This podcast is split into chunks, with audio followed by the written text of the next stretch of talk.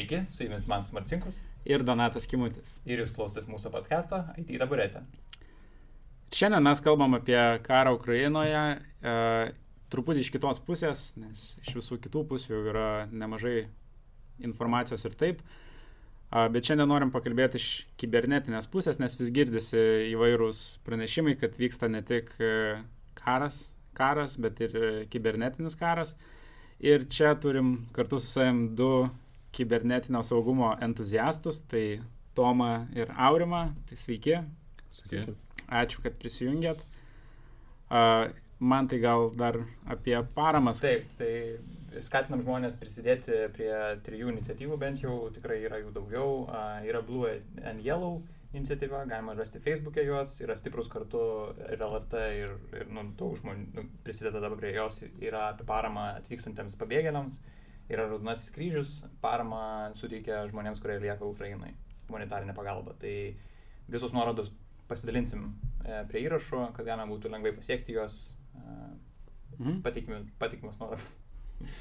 Tai iki šio momento turbūt dažnai žmonės irgi girdėdavo, kad įvyksta kažkokie kibernetiniai nusikaltimai, pavogiami duomenys ar dar kažkas, bet kibernetinis karas a, galbūt toks naujas terminas, kuris nu, va, dabar labai aktualus. Tai Tomai, gal galėtum papasakoti trumpai, ką tai reiškia? Taip, viskas žinoma priklauso nuo aplinkybių, ką mes norime pasiekti tuo, bet uh, dažniausiai tai yra tiesiog uh, bet koks bandymas sutrikdyti teikiamas paslaugas. Ne, nesvarbu, ar jos iš, iš valstybinių įstaigų keliauja, ar ką dabar matome uh, su, su žiniasklaidos priemonėmis, kai, tarkim, yra atrandama dezinformacija ir bandoma ją bet kokią kainą panaikinti Mhm. iš, iš ten. Tai pakenkimų būdų yra turbūt milijonas, ką galima padaryti. A, tai, kaip minėjau, visų pirma, tai disruptinti servisą, tai teikiamą paslaugą, tai vėlgi um, galime žiūrėti tai kaip į žiniasklaidos ribojimą, bandymą informacijos klaidą apriboti, bet vis tiek visada turbūt bus a, puolamos pagrindinės paslaugas teikiam, tai teikiančios įstaigos. Tai, pažiūrėjau, tie patys bankai. Mhm. Žmonės be pinigų, be grinųjų pinigų, be, be veikiančių pinigų, jie tiesiog puls į masinę paniką dažniausiai. A, turbūt kiekvienas. Aš, pažiūrėjau, neturiu nei vieno euro grinais pinigais, tai natūralu, kad aš esu priklausomas nuo bankų. Mhm. Tai to tokių paslaugų sustabdymas arba bent jau pristabdymas veikimo gali lemti ir tokią masinę psichozę, Mhm. žinau. A, Bet vėlgi, jei kalbant apie formas, metodus, tai čia jau galbūt Aurimas a, galės detaliau išsiplėsti, bet dar vieną papildant, tai a, iš esmės tai gali būti cyberwaras taikomas ir susirinkti intelligence informaciją. Mhm. Mhm. Tai kas, kas vėlgi buvo bandoma matyti Rusijoje, um, iš, iš Rusijos pusės, a, kaip, bet šiuo atveju um, rusai puldami ukrainiečius iš esmės neimdavo šių domenų, o tiesiog snaikindavo devaisus, kad kuo mažiau būtų įmanoma bendrauti tarpusavį. Mhm. Tai, Aurimai. Aš gal tiesiog trumpai iš, iš karybos perspektyvos, tai visiems yra žinomi domenai a, žemė, jūra, oras. A, tai iš esmės kibernetinis domenas yra kažkiek naujas, bet kariuomenė apie tokią, vadinkim, veiklos sritį žino ir, ir iš esmės kosmosas dar vienas domenas yra, kuriame gali būti kariaujama, tai, tai čia tiesiog dar viena plotmė, kurioje gali vykti a, konfliktai ir panašu, kad a, mes pamatėm, kaip tai gali arti mūsų vykti tokie Mm. dalykai. Bet kosmose jau vyksta labai nustabios diskusijos dė- dėl tarptautinės stoties ir, ir SpaceX'ą, kai, kai rusai grasina nuleisti stoti ant Europos arba Šiaurės Amerikos dalies, o Elonas Maskas jau stato tiesiog raketėlės, kurios pe, perims visą stoties valdymą. Tai Mhm. ta, tas karas jau vyksta iš, esmės. Jisai nėra kibernetinis to, toje dalyje, dar tikiuosi, a, bet jau vyksta. Kiek žinom. E, Aurimai, gal tada gal papasakoti šiek tiek apie, kas nutiko per tą laikotarpį, va, dabar jau kaip čia penkios dienos, šešios dienos uh, vykstančio karo, uh, tai toj kibernetiniai erdvėjai, kas Ukrainoje atsitiko, kas Rusijai, va tokių gal galima kažkokių pavyzdžių ar kažko tai. Tai vienas turbūt visiems labai matomas dalykas, kad abi pusės aktyviai išnaudoja socialinius tinklus. Tai vėlgi, ta prasme, Ukraina tą naudoja labai stipriai a, strateginiai komunikacijai, a, pranešti, ta prasme, kiek pavyko sunaikinti technikos, pasiekti tam tikrų rezultatų. Rusija tuo atveju irgi neatsilieka, ta prasme, tiesiog ten yra gal daugiau ribojimo ir ir pasaulis ne, nepasiekia tos informacijos labai viešai, nes yra toks Roskomnadzor, ta prasme, tai iš esmės Rusijos toks galim pavadinti firewallas, kuris neleidžia pasauliui pasiekti informacijos, kurie nenori pasiekti.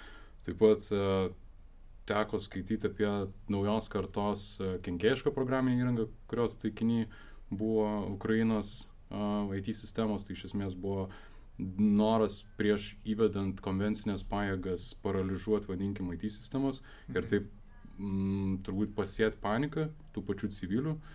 A, toliau a, iš viešos erdvės matom, kad a, Anonimus sėkmingai atakavo Rusijos ir Baltarusijos taikinius, tai iš esmės centrinius bankus, a, elektros vandens tiekimo infrastruktūrą, taip pat traukinius. Ir dar gal tokia įdomi naujiena buvo, kad Conti ransomware grupuotė perėjo į Ukrainos pusę. Prieš tai jie buvo labiau palaikantis Rusiją. Ir galiausiai prieš gal dvi dienas tiesiog buvo viešas jų pranešimas, kad jie nusivylę tuo, kas vyksta ir ką daro Rusija ir žada paviešinti labai daug informacijos jautriausios susijusios su Rusija. Mhm. Tai vėlgi švituokliai kitą pusę nusvyro. Jo, tai daug pokyčių tikriausiai Europos bendrame kontekste vyksta su agresorium vienijančiu Europą ir pasaulį bendrai, tai įdomu, kad net ir tokie nu, vidiniai žmonės, žinoma, kad tokios grupuotės turi, nu, tikriausiai gali savo leisti pereidinėti laisvai, ne kaip Rusijos žmonės, kurie yra nu, opresuojami, tarkim, ir panašiai.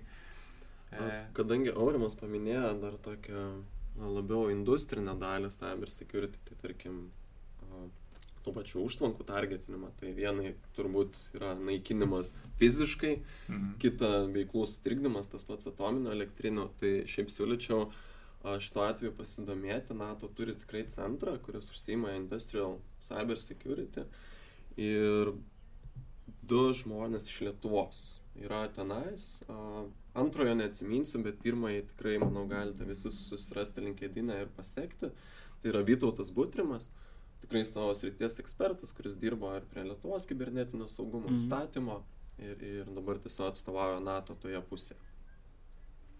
O, o dėl tų visų įvykių Ukrainoje, tai čia mes turbūt, mums reikėtų atskirti, karas vyksta jau N metų um, ir šiuo atveju mes, uh, tas timelinas mūsų ganėtinai išsiplečia labai, labai plačiai, tai šiuo atveju reikėtų kalbėti turbūt tik apie uh, šiomis dienomis a, vykstančius a, nusikalstamus veiksmus.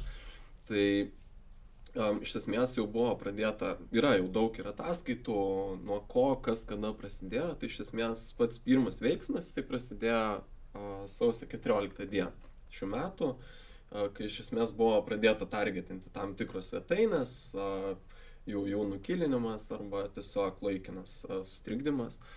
Ir tada jau prasidėjo visi vaiperiukai ir, ir malvarai siekiant ar, ar sukelti paniką, ar panaikinti komunikacijos priemonės. Čia jau turbūt mm. nežinosim šitą atsakymą.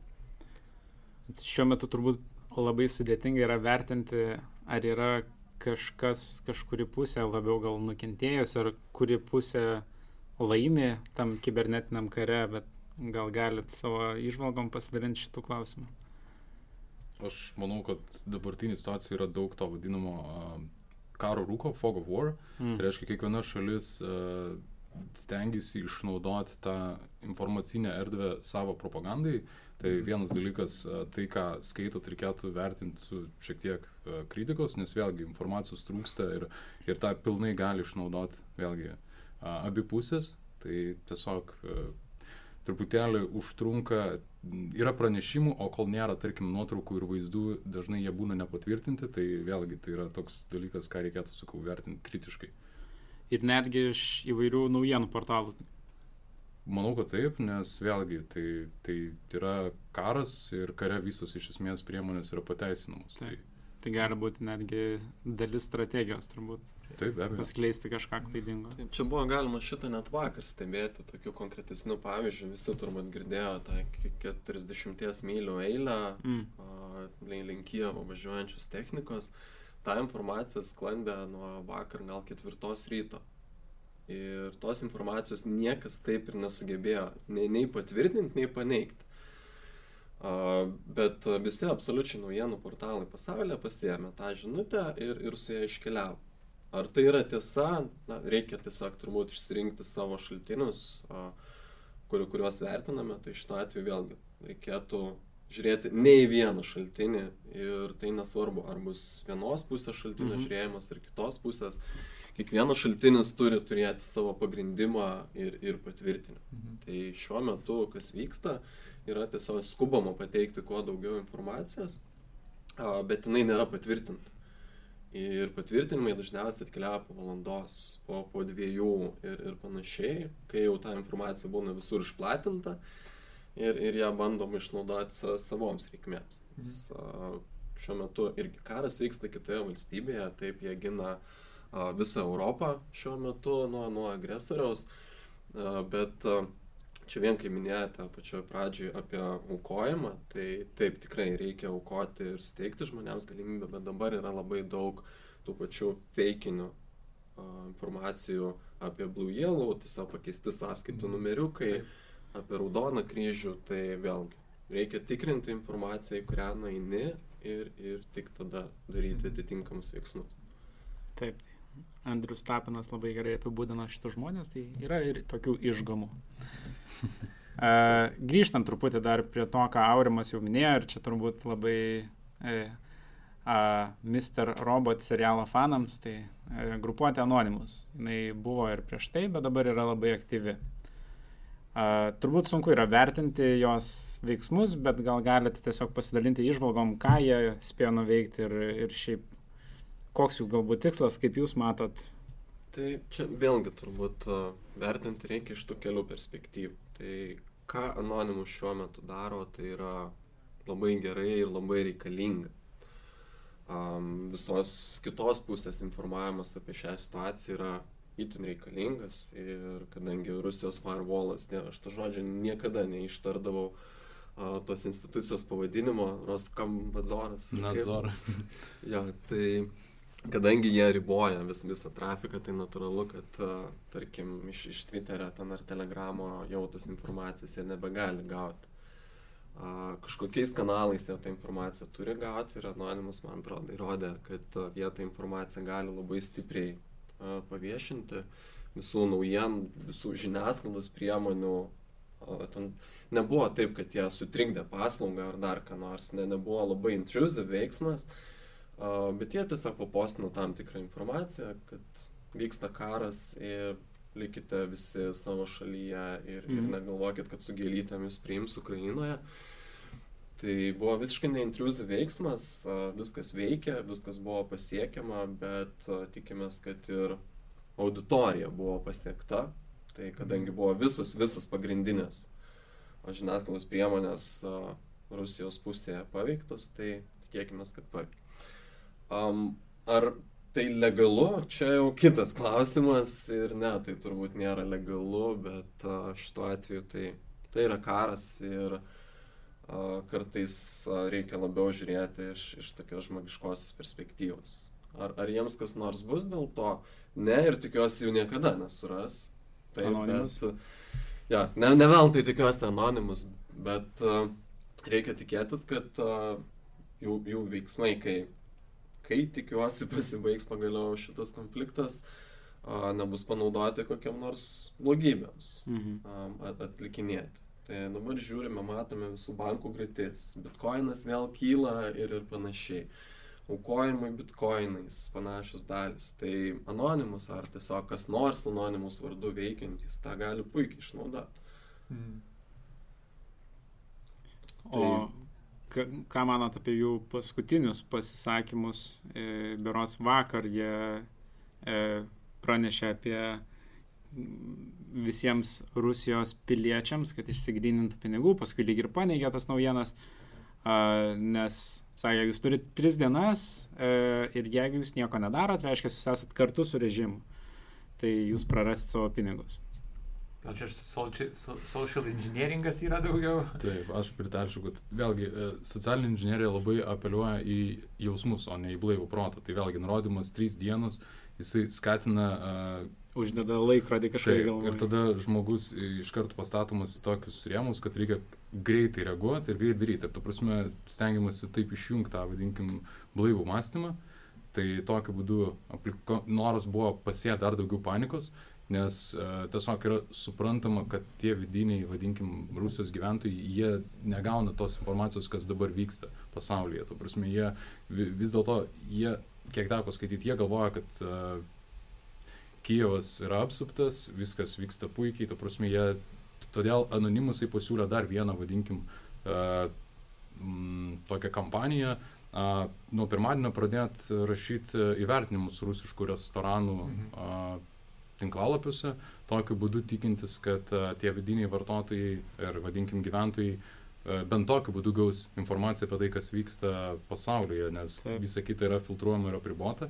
Tai labai įdomus sprendimas kaip mhm. pateikti informaciją ir apeiti, vadinkim, tą cenzūrą.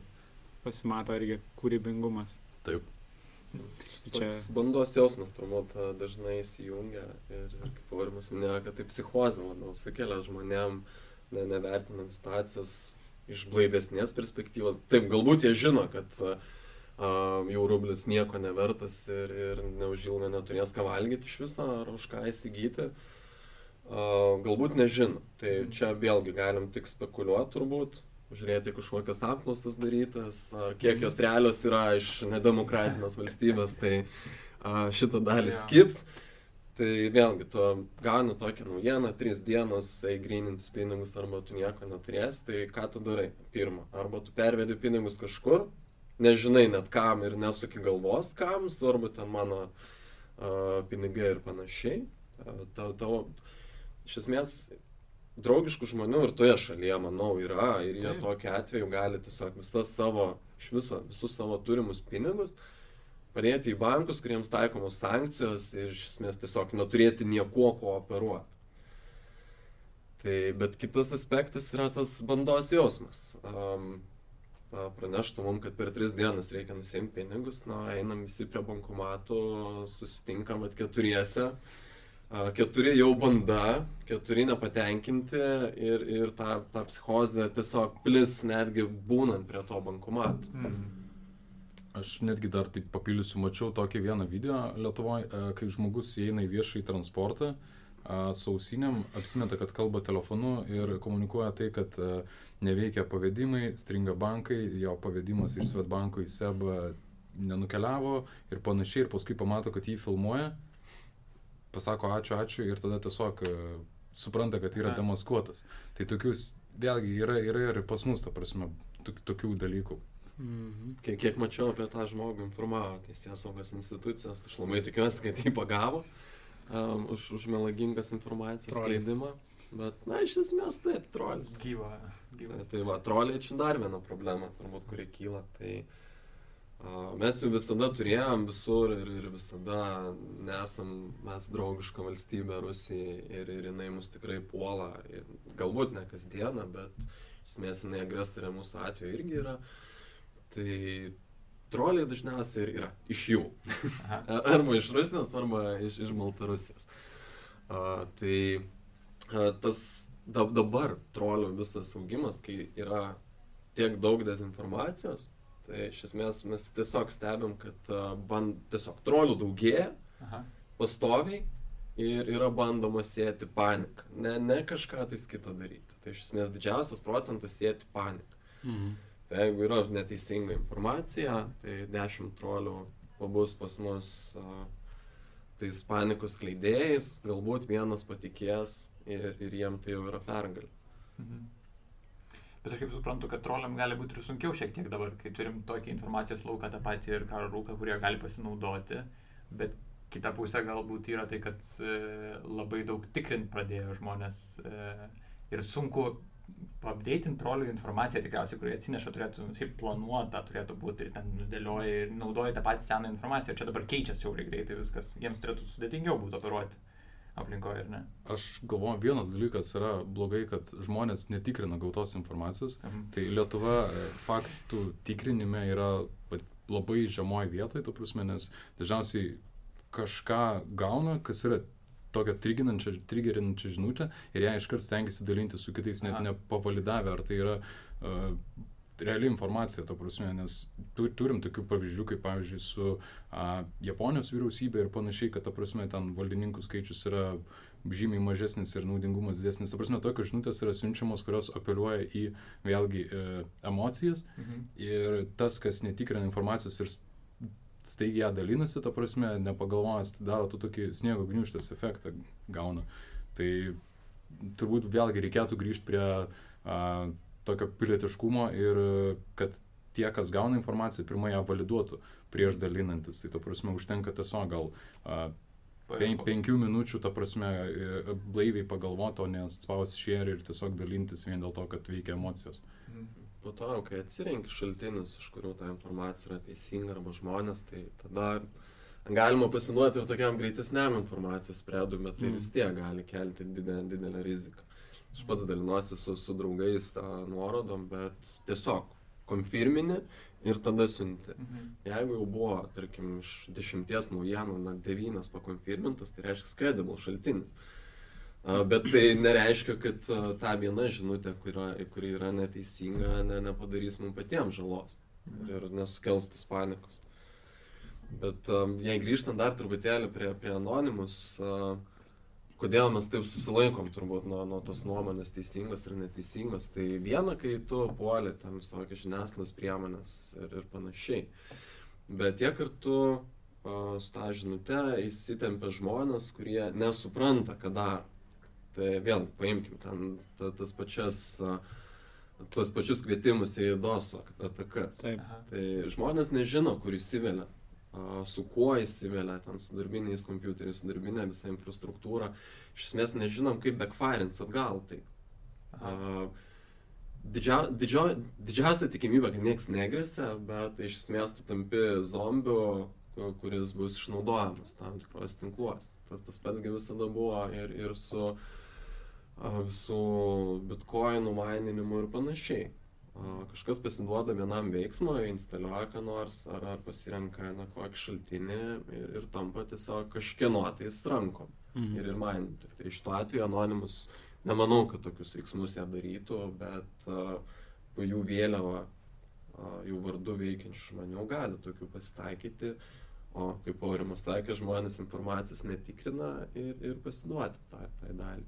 Jo, tai mes norėjom ir paklausti čia, gal šiek tiek Aurimai detaliau, gal galėjau pasakoti, nes tik prasidėjus, nu, tausia, kaip čia įvykiam dabar at, tam aktyviam puolimui, atsirado iš karto mūsų internetinėje erdvėje, kad o, einam pulti Rusiją, iš sudadosinam, puolam e, ir visi pradėjo tiesiog taip masiškai begalę pasidalinimų. Nuorodom, kad va čia spauskit, darykit kiek įmanoma tabų, sukit dokerio servisus ir panašiai, tipo, leidžiam važiuojam ir panašiai. Ir, dabar, bet kaip tik Aurimas minėjo apie tai, kad e, reviewus reikia palikinėti su tam tikra informacija, tai irgi šiandien yra ta žinia, kurią pradėjo dalinti jau aktyviai lietuviai, e, kad va, darom šitaip, šitaip ir šitaip, tai atrodo toksai organizuotas, klintantis labai greitai, nu, bet iš dodosinės atakos, tai va, čia, nu, ar, tipo, ar tai yra veiksminga, ar e, klausimas, kaip tai tikslinga, e, ar tai padeda e, kovoti Ukrainai, galbūt čia tokie va, sudėtingesni klausimai, nežinau. Tai aš gal trumpai apie tą patį DDoSą, kas tai yra, tai yra iš esmės resursų išnaudojimas tam, kad uh, uh, tie, vadinkim, vartotojai, kurie turėtų pasiekti tą paslaugą, ar tai būtų bankas, ar tai būtų kažkokia portalas, ta prasme, tai tiesiog jie to pasiekti negalės. Tai šitos atakos metu yra noras, e, kad vėlgi prisidėti prie chaosų skelimo, kad, ta prasme, pagrindiniai, vadinkim, visi e-paslaugų portalai nebūtų pasiekiami, mano draugai manęs irgi klausė, ar aš turėčiau prie, ar jie galėtų prie to prisidėti, e, ar tai yra saugu ir panašiai. Tai aš tiesiog pasiūliau kelis tokius dalykus. Tai vienas dalykas, kad pasižiūrėti, kas būtų atakuojama, tai ta prasme, ar tai būtų, jeigu JavaScriptas, tai pasižiūrėti kodą, kokie ten yra uh, taikiniai, kad nebūtų, ta prasme, padaryta tokia meškos paslauga, kad vėlgi kita pusė gali uh, apeliuoti atgal ir, ta prasme, tai gali, taip angliškai backfirint, tai reiškia, kad gali ir tie patys rusai ir panašiai uh, tokių pačių sukurti, vadinkim, sprendimų. Ir tie nežinodami, vadinkim, gal, galvodami, kad jie prisideda prie mm, kovos prie Ukrainos ir panašiai, gali būti, kad, ta prasme, prisidės prie atakavimo lietuviškų arba ukrainietiškų, ta prasme, mm. portalų. Tai čia vienas dalykas e, įsitikint, ar tai tikrai nepadedi agresoriui su tokiais sprendimais. Kitas, jeigu jau apsisprendėt, kad norit padėti, tai galvoti apie operational security. Tai reiškia, vėlgi, e, Lietuva yra ratifikavus kibernetinio saugumo, vadinkim, konvenciją, Rusija ne, bet, e, ta prasme, tai būtų traktuojama kaip nusikaltimas, nes tai yra paslaugų trikdymas, paslaugų pasiekimo, mhm. pasiekimo trikdymas. Tai iš esmės dabar, kadangi yra toks karo stovis, tai tas nebūtų, vadinkim, ten net resursų turbūt nebūtų tai analizuoti ir tirti, bet niekas nežino, kaip tai atsilieps, tarkim, ateityje. Tai tiesiog, jeigu jau norit užsimti tokią veiklą, tai pagalvokit uh, apie tą operacinį saugumą. Mhm. Labai aiškiai, manau, sudėlioja aurimai. Uh, Tomai, kaip Lietuva yra paliesta šiuo, šiuo metu, vat, būtent tų galbūt kibernetinių atakų? Taip, jeigu kalbant irgi tik apie šį laikotarpį, A, apie, taip, apie šios, šios metus, taip, tai kažko žymaus tai tikrai nėra tai nie, nieko tam fone nesimato mm. greičiausiai ir, ir vis, visas dėmesys yra skiriamas uh, fronto linijai ir, ir tų paslaugų trikdymui. Um, yra žinoma to, to paties, čia Aurimas galbūt išsiplės apie tą ataskaitą, bet ta pati Simanteko ataskaita, na, kaip ir pasako, kad Lietuva buvo targetinta tais pačiais Viperiais, uh, su kuriais viskas ir prasidėjo sausio mėnesį uh, su Ukraina, Tai buvom targetinti patys, manau, nežinau, telegramą naudojat, nenaudojat, bet staiga į telegramus žinutės ateidavo su tam tikrom nuorodom. Tai sme, bandyta ir mus išnaudoti, kokiu tikslu a, tą buvo bandoma daryti. Čia kitas aspektas ir, ir greičiausiai šiai dienai atsakymo niekas neturės. Mhm. Aš gal tiesiog e, pa, pa, papildysiu tą prasme, kad vėlgi vis, viskas prasidėjo 14 metais, tai iš esmės e, Rusija įvykdė tokią e, Black Energy kampaniją, kai trikdė Ukrainoje elektros perdavimo operatorius, kompiuterinių sistemų veiklą. Tai tuo metu jau buvo išnaudojamos, vadinkim, tos industrinės sistemos kelt chaosą ir trikdyti, vadinkim, normalų darbą ir, ir vadinkim, tą tokį paralyžuoti piliečių pasitikėjimą savo, vadinkim, vyriausybę ir, ir, ir šalimi. Vėlgi buvo pranešimų, kad Baltarusijoje veikiantis kiberpartizanai paralyžavo traukinių veiklą tokiu būdu, norint, norint, norėdami stabdyti, vadinkim, iš Rusijos judančios technikos atvykimą į šalį. Ir, o, bet šiaip, ta prasme, viešai niekas tokia informacija nesidalina, nes jeigu yra atakuojama kažkokia, vadinkim, organizacija, tai jinai stengiasi tą labai stipriai nuslėpti ir, ir į viešumą išeina tik tai jau, kai, kai nepavyksta to padėti, paslėpti po kilimu ir panašiai. Tai mhm. viešos informacijos tikrai labai mažai pavyks rasti. Mhm. Tu užsiminiai, kad vat, institucijos yra puolamos, ten energetikos ir panašiai. Klausimas, ar paprastiems žmonėms galima kažko tikėtis, apart e, tikriausiai telegramo žinučių, kurios yra targetintos, bet šiaip ar kas paprastam žmogui kaip aš, ar gali būti nu, ukrainiečiui arba lietuviui, mhm. kai jau kibernetinis karas prasideda ir ne tik tai institucijos yra targetinamos, ar galėtų kažkaip tai mūsų gyvenimą paliesti.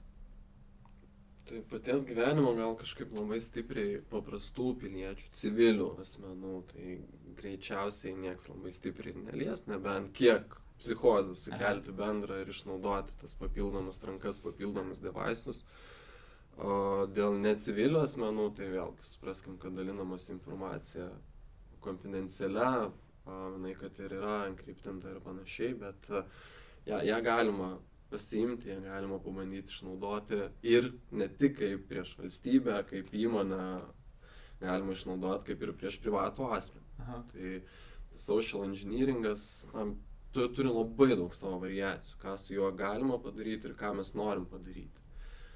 A, tai, tarkim, žinom, bet čia visiškai a, labiau galbūt spekulacijos nėra kol kas a, jokių, jokių įrodymų tam, tai, tai tik pamastymai, bet a, jei būčiau a, kariuomenės atstovas, tai aš matomai tos informacijos sekčiau mažiau ir daug atsargiau žiūrėčiau į absoliučiai viską, kas yra platinama. Mm. Tai jeigu, kai, kaip Aurimas sakė, kai kaip ir galima jungtis prie tų dosinių atakų kartu, tik tinkamai įsivertinti ir panašiai, bet būnant ne civilio asmenio jau reikėtų greičiausiai tai žiūrėti iš kitos perspektyvos. Mhm. Tu, tu gali pastatyti riziką ne, ne, ne tik žmonės aplink save, bet jau ir patys save.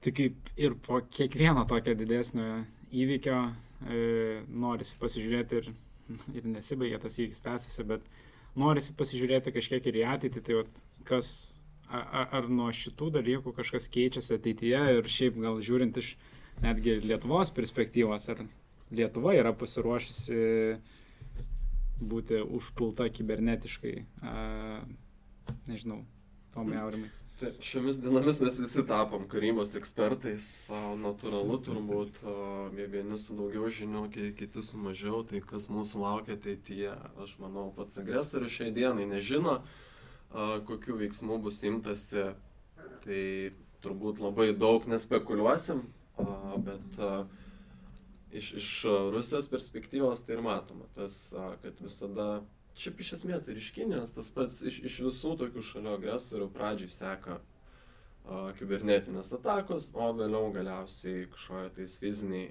ar ekonominiai veiksniai. Tas pats buvo a, su Taivanu, mhm. tai vis, vis, visos tos pačios situacijos, tik ten ačiū Dievui ne, neperaugo į karinį konfliktą. Tai šituo atveju mes irgi. Um, vertinkim situaciją blaiviai, ramus mes būti negalim, bet uh, reikėtų tiesiog blaiviai ir racionaliai vertinti visą situaciją. Ar, ar Lietuva yra pasiruošus kibernetiniam saugumui ir apsaugoti, tai vėlgi.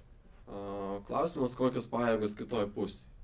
Tai čia Aurimas vėlgi turbūt detalizuos dėl, dosinimo. Tai Lietuva yra ganėtinai maža valstybė. Taip, mes kaip mažai valstybei su, su ribotais ištekliais, resursais esam tikrai labai gerai pasiruošę uh, ir mūsų ir nacionalinis kibernetinio saugumo centras, ir kamas, ir, ir bendros pratybos. A, tai, tai vyksta pratybos ne, ne tik poligonuose, bet a, ir, ir galimoms kibernetinėms grėsmėms atremti.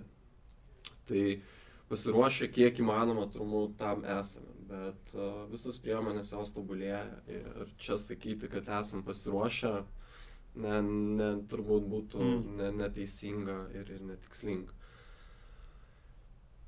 Aurimai, ar nori pridėti kažką? Aš galvoju, kad atakos kibernetinėje erdvėje darysis vis labiau sofistikuotas, tai reiškia, tas atakuojantysis jisai bandys pasislėpti ir a, jau yra tokių pavyzdžių, kai a, tas pats kenkėjiškas kodas yra rašomas, tarkim, su kiniškais komentarais ir panašiai, bandant imituoti arba apsimesti kitą šalim negu tu esi. Mm. Tai vienas aspektas.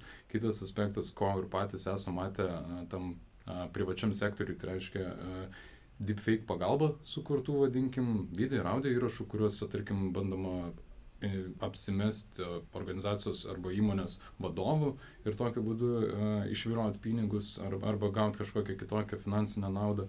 Lygiai taip pat yra uh, dirbtinio intelekto pagalba kuriami, vadinkim, straipsniai ir, ir laiškai, tai reiškia vis mažiau reikės to tokio uh, žmogaus įsikišimo ir didelius informacijos kiekius galės apdoroti, vadinkim, mašinos ir galės parengti tokį tekstą, kuris beveik nieko nesiskirs nuo žmogaus rašyto teksto. Tai reiškia, bus galima su uh, minimaliais kaštais pasiekti vis didesnį auditoriją. Ir mhm. tas toksai kritinis mąstymas, kai kritinis gautos informacijos vertinimas, jisai bus vis labiau, ta prasme, aktualus, nes reikės atsirinkti, nes informacijos kiekis tik didės. Uh, Ir tas, tas visas triukšmas, iš to triukšmo reikės atsirinkti, vadinkim, signalą. Tai čia turbūt žmogiškas faktorius niekur nedings, bet Taip. tiesiog daugiau darbo žmogui. Kai, kaip apsaugot, awareness is the key. Tai... Tikrinti informaciją. tikrinti informaciją, būti bent jau minimaliai susipažinus, kas, kas yra iš viso kibernetinis saugumas ir, ir ką, ką šitas sritis padengia.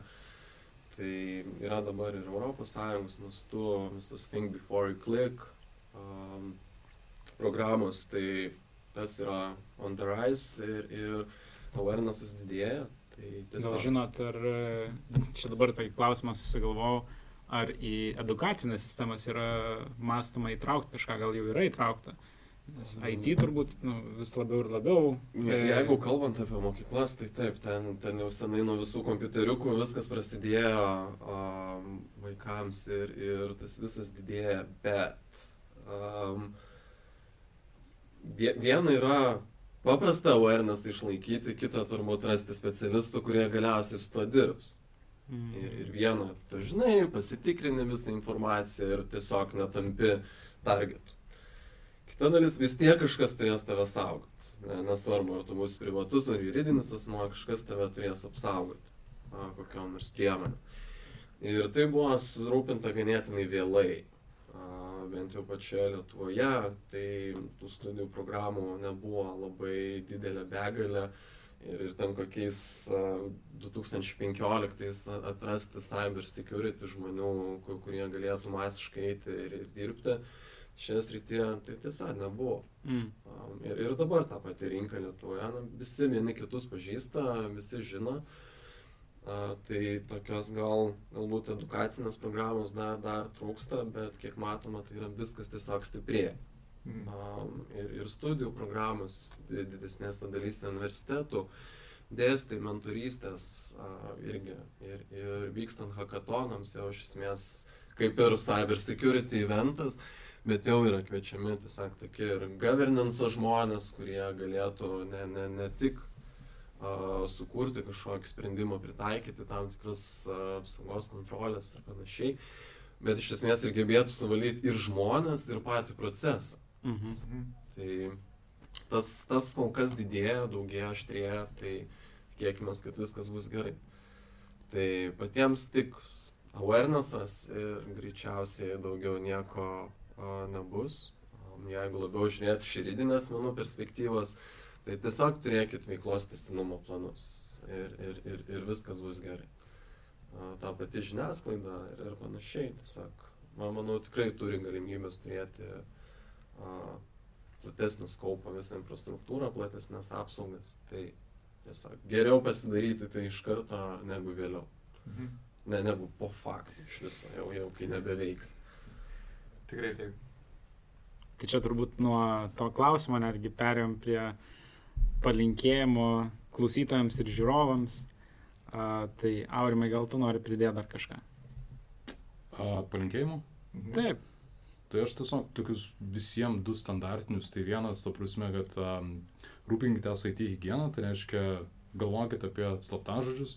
Ta prasme, turėkit jūs ilgus, keiskit reguliariai, uh, visur, kur įmanoma, įjunkit uh, dviejų faktorių identifikaciją, nes iš esmės slaptažodis tai dažniausiai jis kažkur gali būti net ne dėl jūsų kalties, ta prasme, paviešintas ir panašiai. Tai tas uh, antras faktorius yra šiuo metu turbūt daugumoje uh, sprendimų yra galimybė tą pasidaryti, jis nieko nekainuoja, tai tikrai naudokitės tuo. Ir antras visiems siūlomas mano, vadinkim, patarimas yra a, reguliariai dėkit atnaujinimus tiek telefone, kompiuterį, skalbimo mašinoje. Ta prasme, dabar viskas yra prijungta prie interneto, interneto things, tai tiesiog e, reguliariai tą darykit, vėlgi tai prisideda prie hygienos ir tokiu būdu nebūsit kažkokio botneto dalim ir neprisidėsit prie nusikalstamos veiklos ir tą progą žiūriu iš savo chromą, kuris jau geltonai dega. Man irgi. ir man. Ja, iš karto apdėtas vis, vis po, po šito. Okay. Tai ačiū labai gražus palinkėjimai, ačiū Tomai, ačiū Aurimai. Jums. Uh, aktuali tema, manau, pakalbėsim gal ir dar kartą, jei žiūrėsim, kiek laiko tai tęsis. O užbaigti noriu su dviem žodžiais, kurių iki tol nežinojau. Slava Ukrainai. Slava Ukrainai. Gerojams slava.